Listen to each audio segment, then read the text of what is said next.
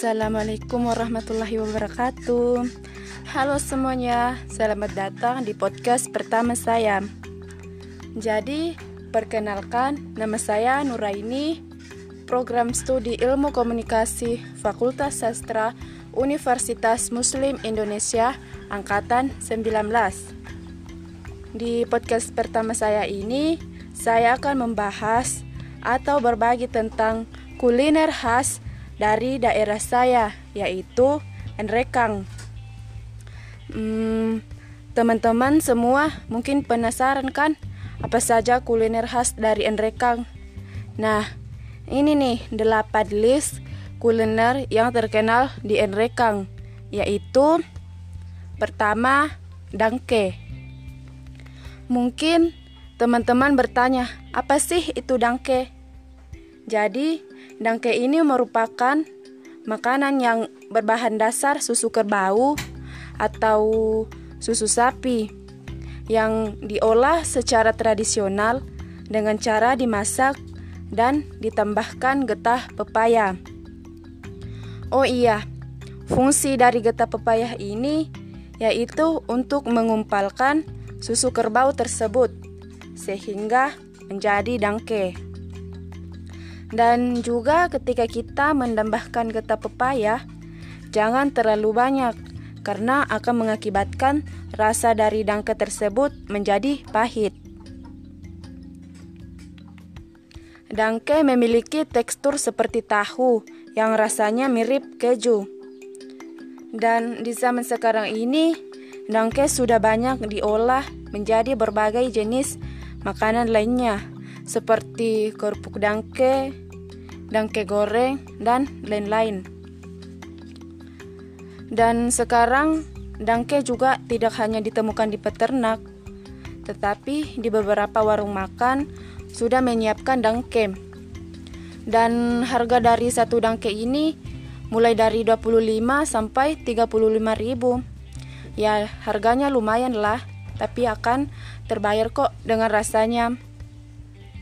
Oke, kita lanjut ke yang kedua, yaitu nasu cemba. Nasu cemba adalah makanan yang terbuat dari bahan dasar iga sapi.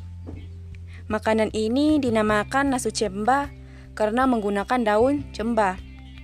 Selain daun cemba, makanan ini juga menggunakan beberapa bumbu dari rempah-rempah lainnya seperti ketumbar, kunyit, serai, dan lain-lain. Oke, yang ketiga yaitu Pak Piong. Uh, Pak Piong ini bisa dikatakan makanan yang cukup unik loh. Mengapa? Karena makanan ini dimasak dengan cara yang unik yaitu dengan mencampurkan daging ayam, bumbu sayur, bawang putih, garam, jahe menjadi satu. Kemudian dibungkus menggunakan daun pisang. Dimasukkan ke dalam bambu dan dibakar hingga matang. Oh iya teman-teman, papiong yang biasanya dibuat dan dimakan oleh masyarakat Enrekang ada tiga varian papillon, yaitu papillon menggunakan daging ayam, papillon menggunakan daging kerbau, dan ada juga yang membuat papillon dari daging babi. Oke, yang keempat itu ayam bundu-bundu. Hmm, ayam bundu-bundu ini merupakan makanan yang berbahan dasar ayam kampung yang didominasi oleh parutan lengkuas dan ditambahkan beberapa rempah lainnya seperti kemiri, hmm, ketumbar, serai, eh, jahe, dan lain-lain sebagainya. Dan makanan ini tidak hanya ditemukan di daerah Enrekang dan sekitarnya saja loh. Tapi juga bisa ditemukan di beberapa daerah lainnya di Sulawesi Selatan seperti Bone, Goa, dan Makassar. Dan yang kelima yaitu barobo.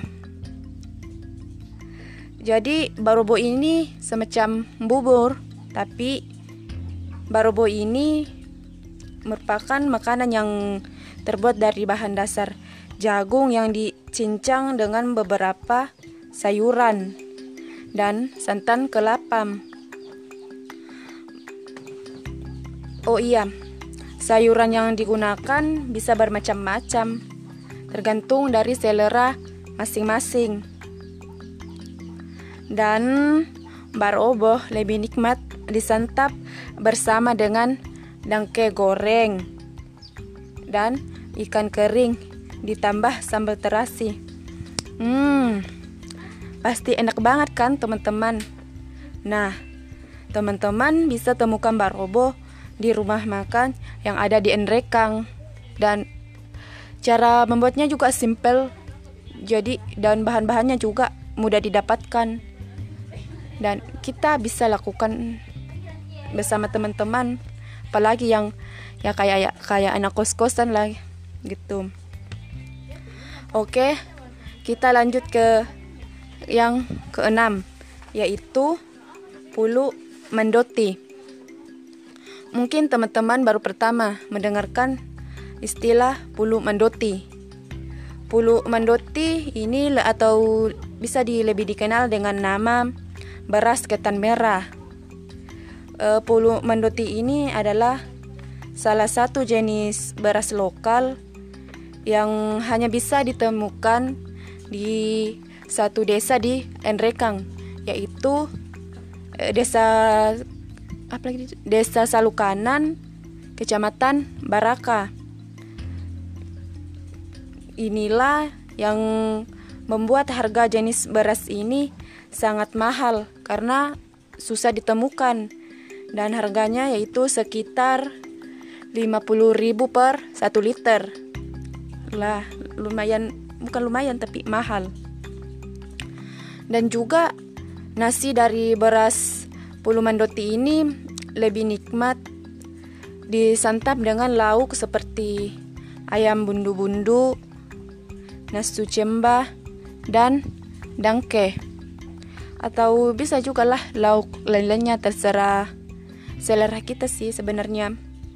Tapi kalau yang kita di ya sering itu yang dipadukan dengan lauk tersebut. Oke, kita lanjut ke yang ke tujuh yaitu depa tetekan. Uh, depa tetekan ini adalah salah satu kue yang dibuat dari bahan dasar beras ketan dicampur dengan biji wijen.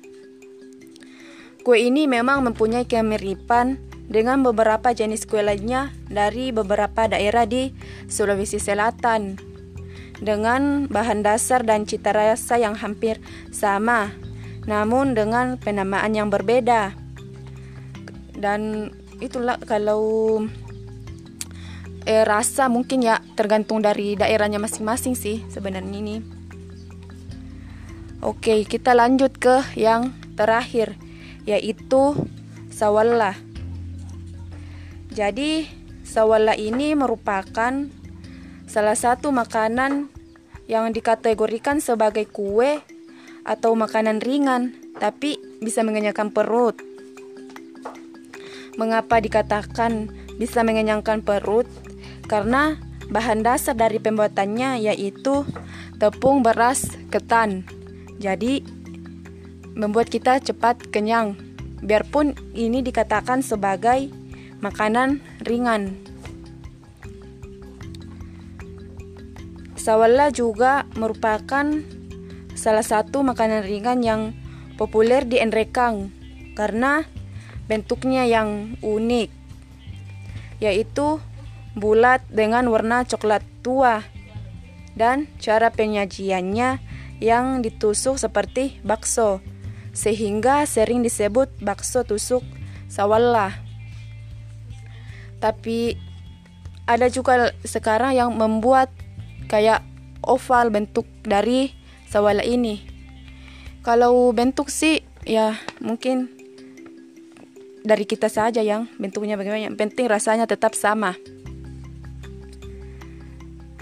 Nah, mungkin itulah ya dari saya tentang kuliner khas dari Enrekang.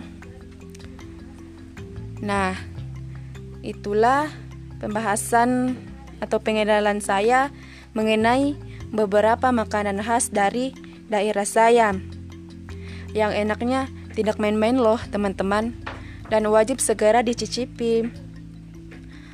Oh iya, teman-teman mudah kok mendapatkannya karena atau mudah membuatnya karena bahan-bahan dari kue atau makanan ini semuanya dapat cepat ditemukan kecuali tadi yang puluhan roti itu ya susah karena kalau di daerah saya saja sendiri ini ya lumayan jauh lah dari desa tersebut dan bahkan saya bisa dihitung berapa kali ke desa tersebut.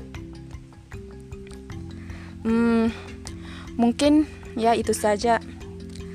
Oke, terima kasih telah bergabung di podcast pertama saya ya teman-teman. Dan sampai jumpa di podcast-podcast selanjutnya. Oke, tetap dengarkan terus podcast-podcast saya ya guys. Assalamualaikum warahmatullahi wabarakatuh.